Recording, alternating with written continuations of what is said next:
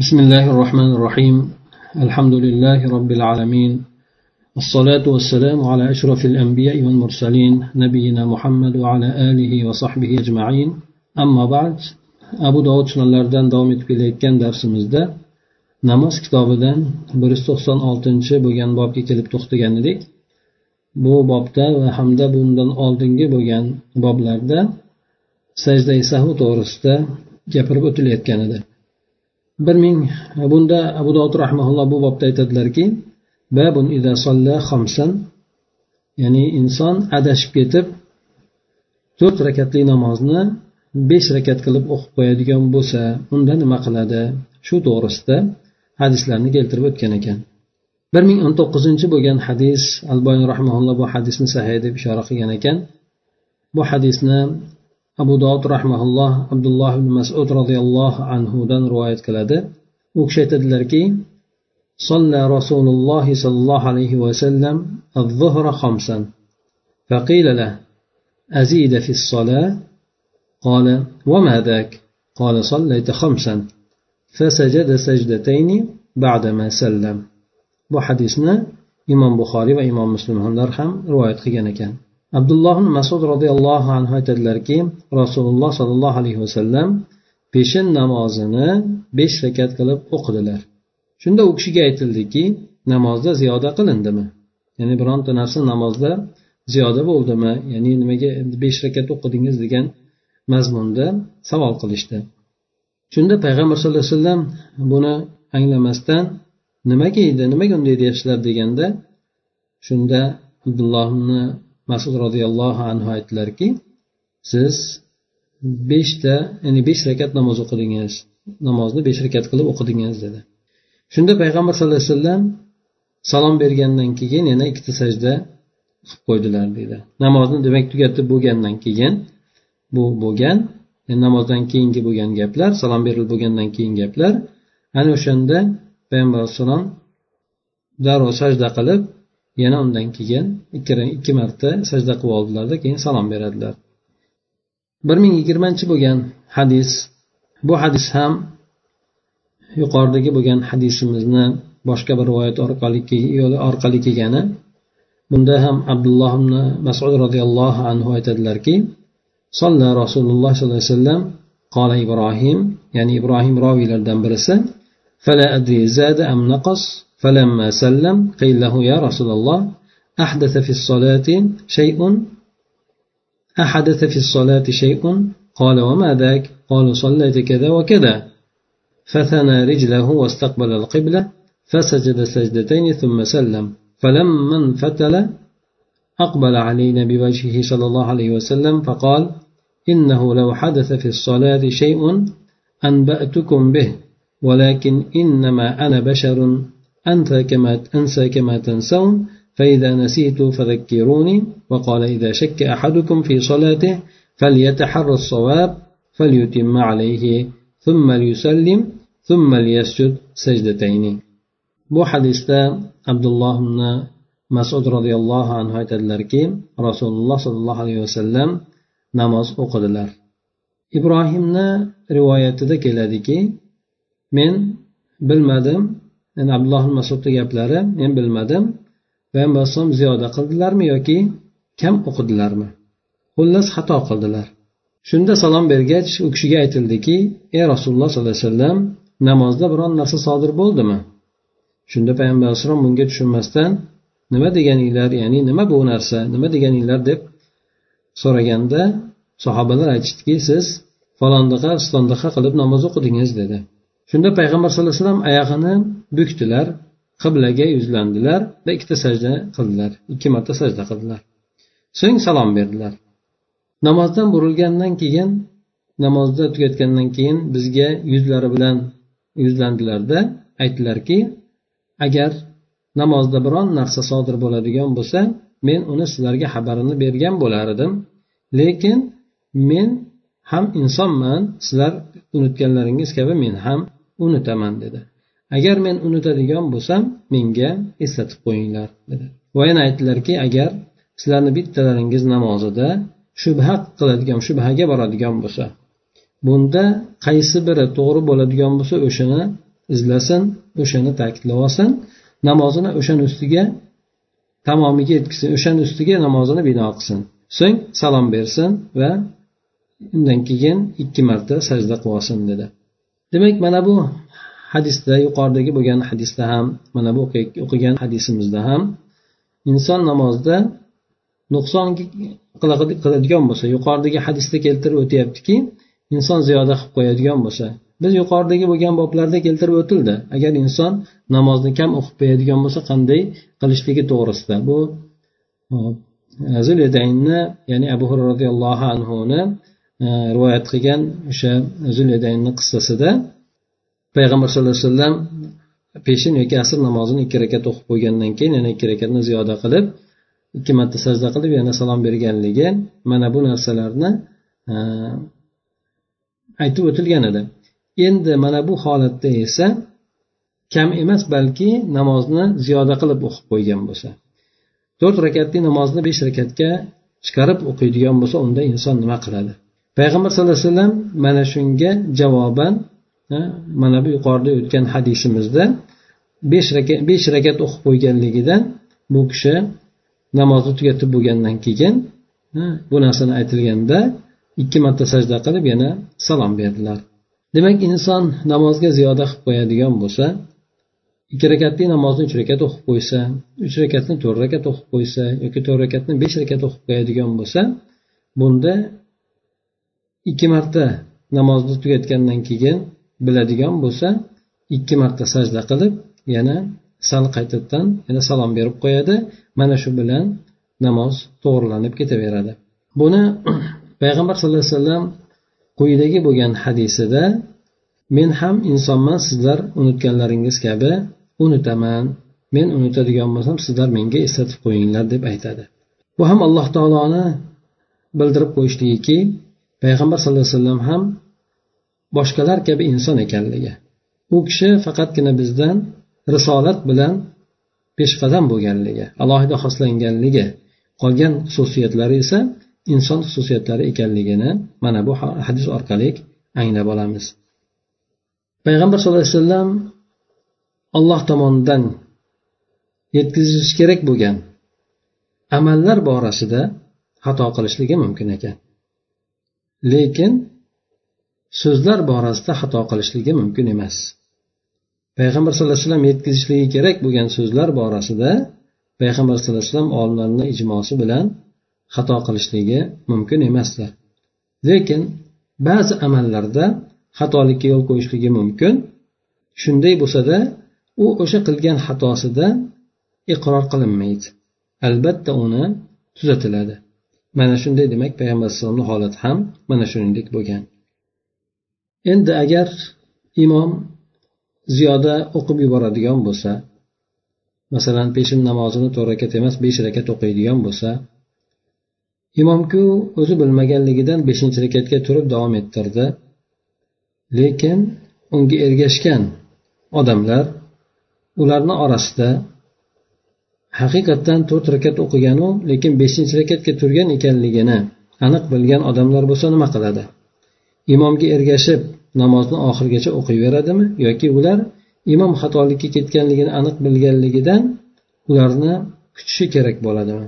Bu borada olimlar aytadiki agar inson imom xato qilganligini aniq biladigan bo'lsa ba'zan imomga tanbeh berganda imom uni qabul qilmasa imom o'zidagi bo'lgan Э, holatga qarab turib yoki o'zini fikriga qarab turib men uch rakat o'qidim to'rt rakat o'qishim kerak degan narsada o'zi qattiqroq turadigan bo'lsa yoki bo'lmasa unga tanbeh berilmay qoladigan bo'lsa bunda xato qilganligini aniq bilgan insonlar imomga ergashmasdan balki o'sha to'rtinchi rakatdan turib ketadigan bo'lsa o'sha ular to'rtinchi rakatga o'tirishadi. To imom o'sha undan keyingi rakatni tugatib ular bilan birgalikda keyin o'tirgan paytda birga sajda qiladi hamda e, tahiyati salovatlarni o'qib turib salom beradi. Imom undan keyin agar sajda sahu qiladigan bo'lsa imom bilan birgalikda sajda sahu qiladi. Agar sajda sahu qilmasdan salom beradigan bo'lsa unda imomga eslatiladi hamda imomga eslatilgan paytida o'sha vaqtni o'zidayoq u sajda sahu qiladi. Shu bilan namozdagi bo'lgan nuqson e, isloh to'g'irlanib ketaveradi. Demak imomni xato qilganligini unutganligini aniq bilgan odamlar imomga ergashmasligi kerak ekan. O'sha oxirgi rakatda endi bilmagan yoki ikkilangan odamlar esa imomga ergashib ular ham o'sha xatolikka yoki unutishlikka sherik bo'lib qoladigan bo'lsa o'sha imomni sajda sav qilishligi bulardagi bo'lgan nuqsonni ham e, to'ldirib ketaveradi. Bu ham demak inson xatoga yo'l qo'yishligi mumkin bo'lgan namozdagi holatlardan birisi ekan. O'tgan safargida aytganimizda inson to'liq namozni o'qimasdan kamroq o'qib qo'ygan paytida qanday qilishligi bo'lsa bu holatda esa inson talab qilingan harakatlardan ziyoda qilib yuborganligi yoki bir ziyoda bir rukunni yoki harakatlarni qilib yuborganligida qanday qiladi? Mana shu to'g'risida aytib o'tildi. bir ming yigirma birinchi bo'lgan hadis bu hadisda ham yuqoridagi bo'lgan hadislarni boshqa bir rivoyat orqali kelyapti. Abdulloh masud roziyallohu anhu bunda ham aytadilar. Payg'ambar alayhissalomni gaplarini keltirib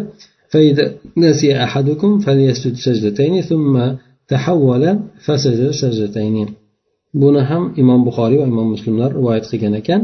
Payg'ambar sallallohu alayhi vasallamni so'zlari agar sizlarni birlaringiz unutib qo'yadigan bo'lsa ikki marta sajda qilib olsin dedilarda o'zlari qibla tomoniga o'girildilarda ya'ni payg'ambar alayhisalom odati salom bergandan keyin qavmga qarab yuzlarini burardilar ana o'sha narsa u kishiga ogohlantirilgandan keyin qibla tomonga yuzlandilarda keyin ikkita sajda qilib qo'ydilar deydi bir ming yigirma ikkinchi bo'lgan hadisda bu hadisni ham abdulloh ibn masud roziyallohu anhu rivoyat qiladilar u kishi aytadilarki bina rasululloh sollallohu alayhi vasallam xomsan falamman fatala توشوش القوم بينهم فقال ما شأنكم قالوا يا رسول الله هل زد في الصلاة قال لا قالوا فإنك قد صليت خمسا فانفتل فسجد سجدتين ثم سلم ثم قال إنما أنا بشر أنسى كما تنسون bu hadisni imom muslim rivoyat qilgan ekan abdulloh masud roziyallohu anhu aytadilarki rasululloh sollallohu alayhi vasallam biz bilan birgalikda namoz o'qidilar besh rakat qilib namoz o'qidilar namozni tugatib burilgandan keyin tugatib bo'lgandan keyin qavm o'zaro o'rtasida shivirlasha boshladi Shunda payg'ambar alayhisalom aytdiki mashanukum sizlarga nima bo'ldi? deganda ular aytdilarki ey rasululloh sollallohu alayhi vasallam namozda biron narsa ziyoda qilindimi? dedi. Shunda payg'ambar alayhissalom yo'q deb javob qildilar. Sahobalar so'rashdiki unday bo'ladigan bo'lsa siz namozni besh rakat o'qidingiz dedi. Payg'ambar alayhissalom yuz o'girildilarda ikki marta sajda qildilar. Qibla tomoniga o'girilib ikki marta sajda qildilarda keyin keyin salom berdilar. Ana o'shandan keyin qo'shib qo'ydilarki men ham insonman sizlar unutganlaringiz kabi unutaman dedi. Bu hadis ham yuqorida aytib o'tgan ma'noni ifoda qilar ekan. Inson ziyoda qilib qo'yadigan bo'lsa bir rukundami rakatnimi ana o'shanda bir e, qo'shib turib e, ikki marta sajda qilib qo'yilar ekanda mana bu sajdani holatini aytib o'tiladi quyidagi bo'lgan hadislarda. Bir ming yigirma uchinchi bo'lgan hadis bu hadisni muoviyat ibn hudayj roziyallohu anhudan rivoyat qilinadi. U kishi aytadilarki أن رسول الله صلى الله عليه وسلم صلى يوما فسلم وقد بقيت من الصلاة ركعة فأدركه رجل فقال نسيت من الصلاة ركعة فرجع فدخل المسجد وأمر بلالا فأقام الصلاة فصلى للناس ركعة فأخبرت بذلك الناس فقالوا لي أتعرف رجل قلت لا إلا أن أراه فمر بي فقلت هذا هو فقالوا هذا طلحة بن عبيد الله muaviyat ibn hudaysh roziyallohu anhu aytadilarki rasululloh sollallohu alayhi vasallam bir kuni namoz o'qidilar salom berdilarda lekin namozdan bir rakat qolib ketgan edi shunda u kishiga payg'ambar alayhisalom demak tashqariga chiqdilar u kishini orqasidan bir odam ergashib chiqdi payg'ambar alayhisalomga yetib olib aytdilarki namozdan bir rakatni unutdingiz dedi payg'ambar sallallohu alayhi vasallam masjidga qaytdilar qaytib masjidga kirdilar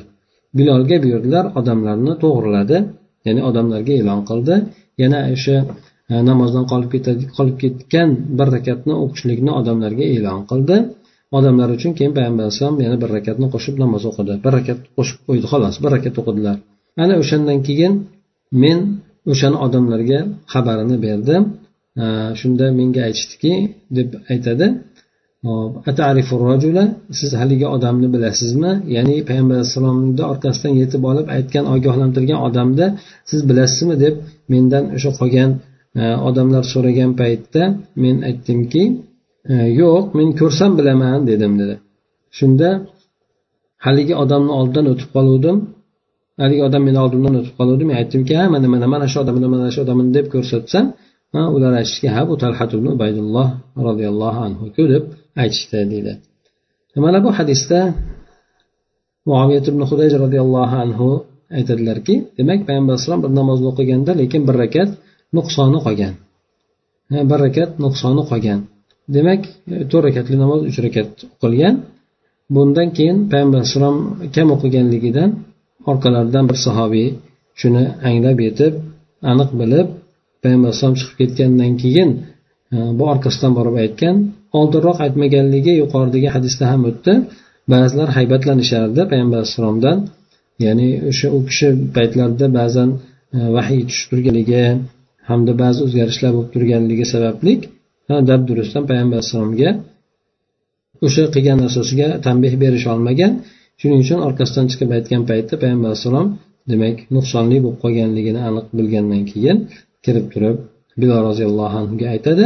Bu kishi degan namozga takbir aytdi emas balki namozga takbir aytilmasligi aniq chunki namozni ichida namozga takbir aytilmaydi ya'ni iqomat aytilmaydi.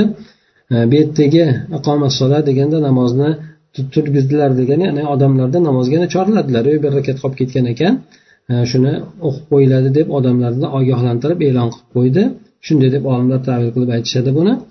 Keyin payg'ambar alayhissalom o'sha bir rakat qolib ketgan rakatni o'zligini o'qidilar. Bu yerda e, boshqa nimasini aytmadilar. Ya'ni sajda sajda o'qiganligi qilganligi yo boshqa narsalarni keltirib o'tilmadi bu yerda. Balki bu yerda ogohlantirib namoz ya'ni odam namozdan chiqib tashqariga chiqib ketgandan keyin ham namozni ustiga bino qilishligi mumkin ekan bu yerda. Odam demak e, namozni tugatdim degan niyatda tashqariga chiqib ketdi lekin namoz ichida qolganligi uchun yana qaytib kirib turib o'sha namozni tiklab qo'ydi. Lekin inson namoz ichida tahorat ketadigan bo'lsa namoznidan chiqib tahorat qilib keladigan bo'lsa namozni yangitdan boshlaydi deb aytishgan. Chunki bunda inson biladiki aniq qasddan e, namozni hali tugatmaganligini. Lekin bu yerda payg'ambar alayhissalom namozni tugatdim deb aniq bilgan bu kishi lekin bir rakat qolib ketgan ana o'shanga qaytib turib o'sha rakatni o'zini to'ldirib qo'ydilar xolos.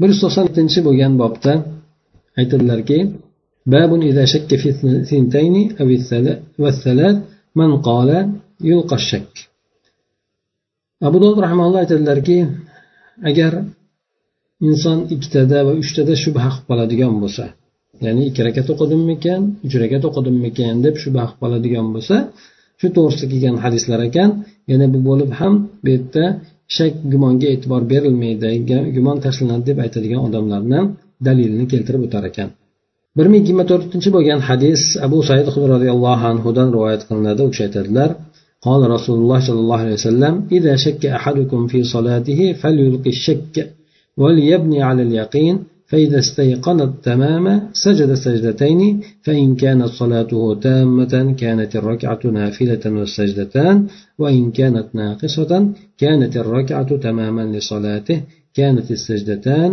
muraqimati shayton imom muslim ham shunga o'xshagan rivoyatni keltirgan ekanlar. Bu hadisda rasululloh sollallohu alayhi vasallam aytadilarki agar sizlarni birlaringiz namozda shubha qilib qoladigan bo'lsa shubhani tashlasin va aniq bo'lgan narsaga bino qilsin dedi. Shubha degani shubha bor gumon bor g'olib bo'lgan gumon bor. Shubha bu yerda ikkala tomonni teng bo'lishligi ko'proq aytiladi. Ya'ni inson ellikka ellik bunday aytganimizda gumon qiladi.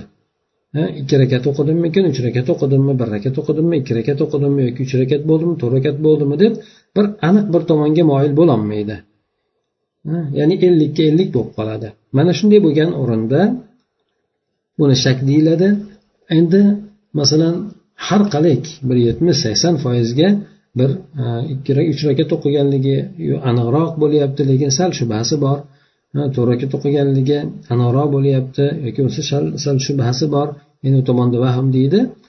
Ozroq bo'lgan tomonda ko'proq bo'lgan tomonni esa zonnil g'olib deb qo'yadi ya'ni ko'proq gumon gumoni bo'lgani deb qo'yiladi. Ana o'shandek demak holatlar bor ekan. Bu yerda inson agar shubha qiladigan bo'lsa shubhani tashlasinda aniq bir ishongan narsasiga bino qilsin.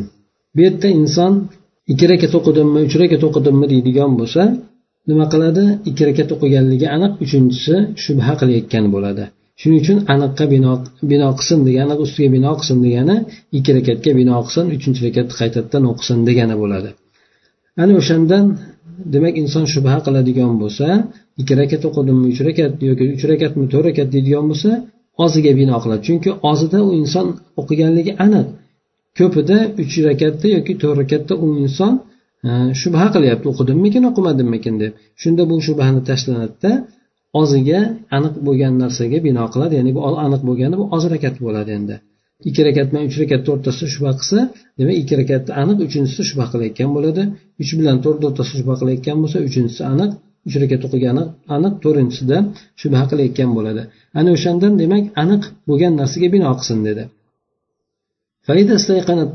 Ya'ni to'liqqa aniq ishonch hosil qilgan paytida ya'ni oxiriga borib qolgan paytida o'sha masalan uch rakat deb uch rakatmi to'rt rakatmi deganda uch rakatga bino qilib undan keyin bir rakat qo'shib oxirigacha to'liq olib borgan paytida ikki marta sajda qilib qo'yadi. Ana unda agar uni namozi to'liq bo'lgan bo'lsa bir rakat qo'shib qo'ygani bu o'rinda nafl bo'lib qoladi ikkita sajda bilan birgalikda. Ya'ni haligi bir rakati nafila bo'ladi hamda ikkisi ikki sajdasi bilan demak u go'yoki insonga nafl bo'lib qoladi beshinchi oltinchi rakatdek bo'lib qoladi. Inson agar uch rakat o'qidimmi yoki to'rt rakat o'qidimmi degan bo'lsa to'rtinchisida shubha qilgan bo'lsa demak bu yerda aniqqa aniq bo'lgan narsaga bino qilsin dedi aniq bo'lgani uch rakat.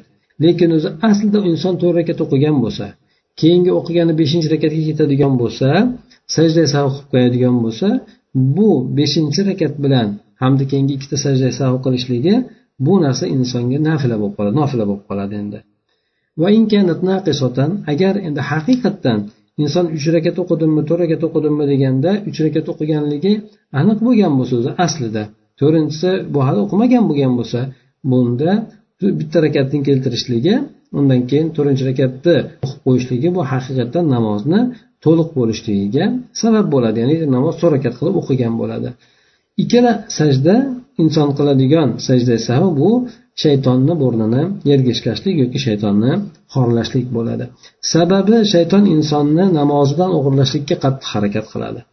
Namozini avvalo insonga namozni o'qimagin deb keladi. Agar inson bundan bosh tortadigan bo'lsa namozini savobidan xususidan o'g'irlashlikka harakat qiladi. Ana o'shandan shayton kelib inson bilan doim vasvasa qilib turganligidan inson namoz o'qiydida necha rakat o'qiganligini ham anglolmay qoladi. Uch rakatmi to'rt rakatmi yoki ikki rakatmi uch rakatmi? Ana o'shanday shaytonni ishi inson shunday qilib sajda qilib qo'yadigan bo'lsa namozdagi bo'lgan kamchilikni to'ldirilishligi bo'ladi. Hamda agar mabodo barakat ziyoda qilib qo'ygan bo'lsa ham bu narsa qasddan bo'lmaganligi uchun insonga nafl ibodat o'rnida o'taveradi deydi. Undan keyingi bir ming yigirma beshinchi bo'lgan hadis bu yerda bu hadisni abdulloh ibn abbos roziyallohu anhudan rivoyat qilinadi. Anna nabiy sallallohu alayhi vasallam samma payg'ambar sallallohu alayhi vasallam shu ikkita sajda sahu qilishlikni murag'imatayn ya'ni shaytonni xor qiluvchi yoki shaytonning burnini yerga ishqovchi degan nom bilan nomlagan ekanlar. Sababi aytib o'tganimizdek shayton vasvasa qiladi vasvasa qiladi. Uni vasvasasini kesishligi uchun yoki oxirida qilgan murodini chuppakka chiqarishligi uchun bu ikki marta sajda qilinadida mana bu narsa esa inson shaytonni xorlashlik yoki burnini yerga ishqalishligiga sabab bo'ladi. Bir ming e, yigirma oltinchi bo'lgan hadis. Bu hadisni ato ibn yasordan rivoyat qilinadi. أن رسول الله صلى الله عليه وسلم قال إذا شك أحدكم في صلاته فلا يدري كم صلى ثلاثا أو أربع فليصلي ركعة وليسجد سجدتين وهو جالس قبل التسليم فإن كانت الركعة التي صلى خامسة شفعها بهاتين السجدتين وإن كانت رابعة فالسجدتان ترغيم للشيطان.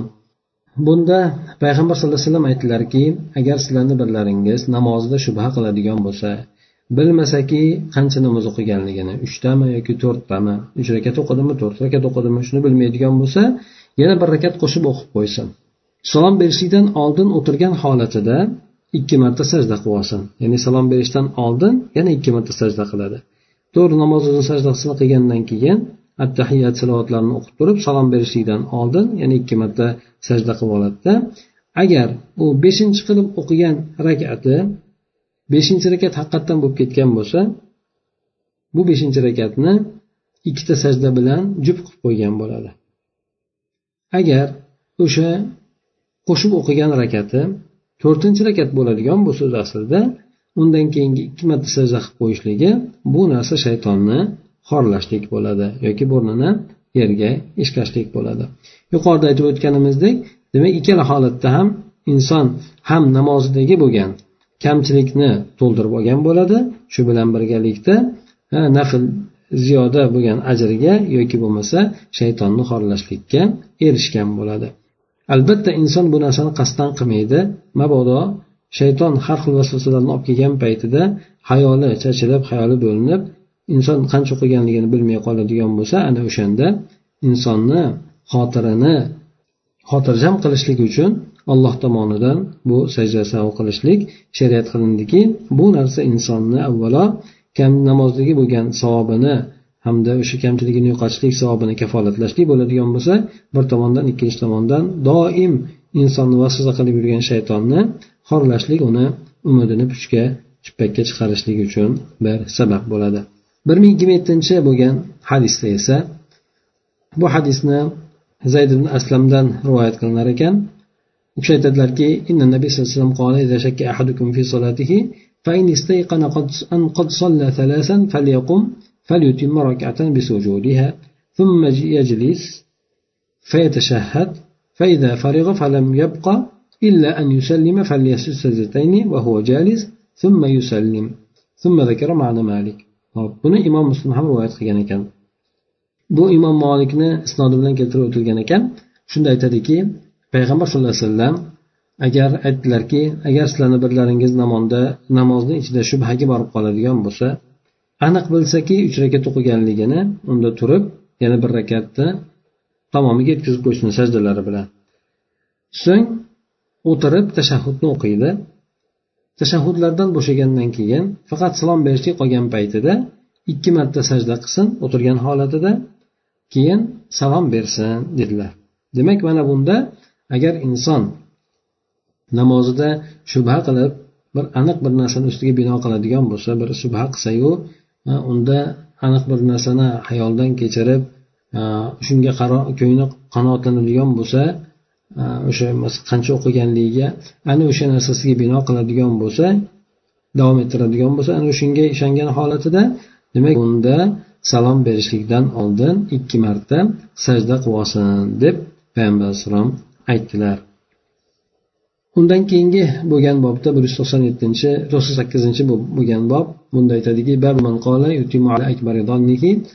ya'ni gumonini ko'piga qarab turib namozni e, to'liq o'qiydi namozini ko'pi gumoniga qarab turib namozni to'ldirib qo'yadi degan e, olimlarni dalillari to'g'risida ekan. Bir ming yigirma sakkizinchi bo'lgan bob bu bobga bu bobni bir ming yigirma sakkizinchi bo'lgan hadis bu hadisni alboniy rahmaulloh doif deb keltirgan ekan bunda abi ubayda ibn abdullohdan bu kishi otasidan rivoyat qiladiki rasululloh alayhi aytdilar إذا كنت في صلاة فشكت في ثلاث أو أربع وأكبر ظنك على أربع تشهد أربع تشهدت ثم سجدت سجدتين وأنت جالس قبل أن تسلم ثم تشهدت أيضا ثم تسلم bu hadis payg'ambar alayhissalom aytadilarki bu hadisda agar sizlarni birlaringiz namozda bo'ladigan bo'lsa hamda uchta o'qidimmi yoki to'rtta o'qidimmi deb shubhaga boradigan bo'lsa ko'p gumoni to'rt rakatga bo'ladigan bo'lsa bunda tashahhudni o'qiversin ya'ni tashahhudni o'qiydida ya'ni namozni o'sha to'rt rakat o'qibman deb turib demak namozni davom ettirib ketaveradi. Keyin ikki marta sajda qiladi o'tirgan holatida salom berishligidan oldin keyin tashahhud o'qiydi. Salom bergandan keyin keyin salom beradi dedi. Bu rivoyatni albon rahimaulloh doif degan ekan boshqa olimlar ham e, doif degan mana abu dovud ham pastda keltirib o'tadi buni doif ekanligini. E, bu hadisda uchinchi bir sajda sahu to'g'risida gapirib o'tiladi. Bu inson tashahhudga o'tirgan paytda tashahhudni tugatib turib sajda qiladida e, keyin salom beradi oxirida salom beradi. Yana sajda qilgandan keyin yana qayta tashahhudga qaytadi keyin salom beradi. Mana bu narsani mana bu holatni e, zaif ekanligini mana bu hadisda e, zaifligidan albani rahimaulloh demak bunga e, bunga zaif deb ishora qilgan. Zaif bo'lganligi uchun bu hadisdan demak hukm olinmaydi. Bu yerdagi bo'lgan holatda salom berishlikdan sajda qilgandan keyin yana inson tashahhudga qaytib tashahhudni o'qib keyin yana e, saloti ibrohimiyni ham o'qib bo'lgandan keyin keyin salom berishligi to'g'risida aytilyapti.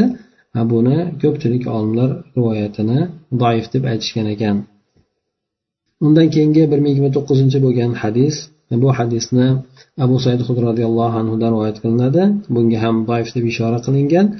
aytadiki rasululloh aytdilarki زاد أم نقص فليسجد سجدتين وهو قاعد فإذا أتاه شيطان فقال إنك قد أحدثت فليقل كذبت إلا ما وجد ريحا بأنفه أو صوتا بأذنه وهذا لفظ حديث أبان albon rahmaulloh bu hadisni ikkinchi bo'limiga doif deb ishora qilgan ekan o'zi aslida birinchi bo'lim e, sahih hadisda ham imom muslimni sahih hadislarida ham rivoyat qilingan ekan ya'ni birinchi bo'lim إذا صلى أحدكم فلم يدري زاد أم نقص فليسجد سجدتين وهو قاعد mana shu bo'limi sahih kelgan endi faydatahu shaytonudan oxirigacha bo'lgan e, so'zlari esa doif ekan buni u kishi aytganlari bo'yicha ya'ni hadisni aslida topmadim deb aytib o'tadilar bu hadisni ma'nosi shuki agar sizlarni birlaringiz e, Э, namoz o'qiydigan bo'lsa ziyoda qilib qo'yadimi yoki kamaytirib qo'ydimi buni bilmaydigan bo'lsa ya'ni uchta o'qidimi to'rtta o'qidimi yoki ozmi ko'pmi shuni bilmay qoladigan bo'lsa o'tirgan holatda ikki marta sajda qilsin dedi. Agar mabodo ya'ni inson namozida shayton kelib turib sen tahorating ketib qoldi tahoratingni ketkazib qo'yding desa unga bekorlarda aytibsan deb ayting dedi. Ya'ni yolg'on aytibsan deb aytinglar dedi. Illo inson agar burni bilan uni hidini topadigan bo'lsa yoki qulog'i bilan ovozini eshitadigan bo'lsa ya'ni inson o'sha tahorat ketganligini aniq o'zida biladigan bo'lsa unda hay tahorat ketgan bo'ladi. Aks holda shayton kelib vasvasa qiladigan bo'lsa inson ichida bo'lgan holatida shaytonga ya'ni bekor aytibsan bekorni aytibsan deb javob qaytarishligi mumkinligini ifoda qiladi.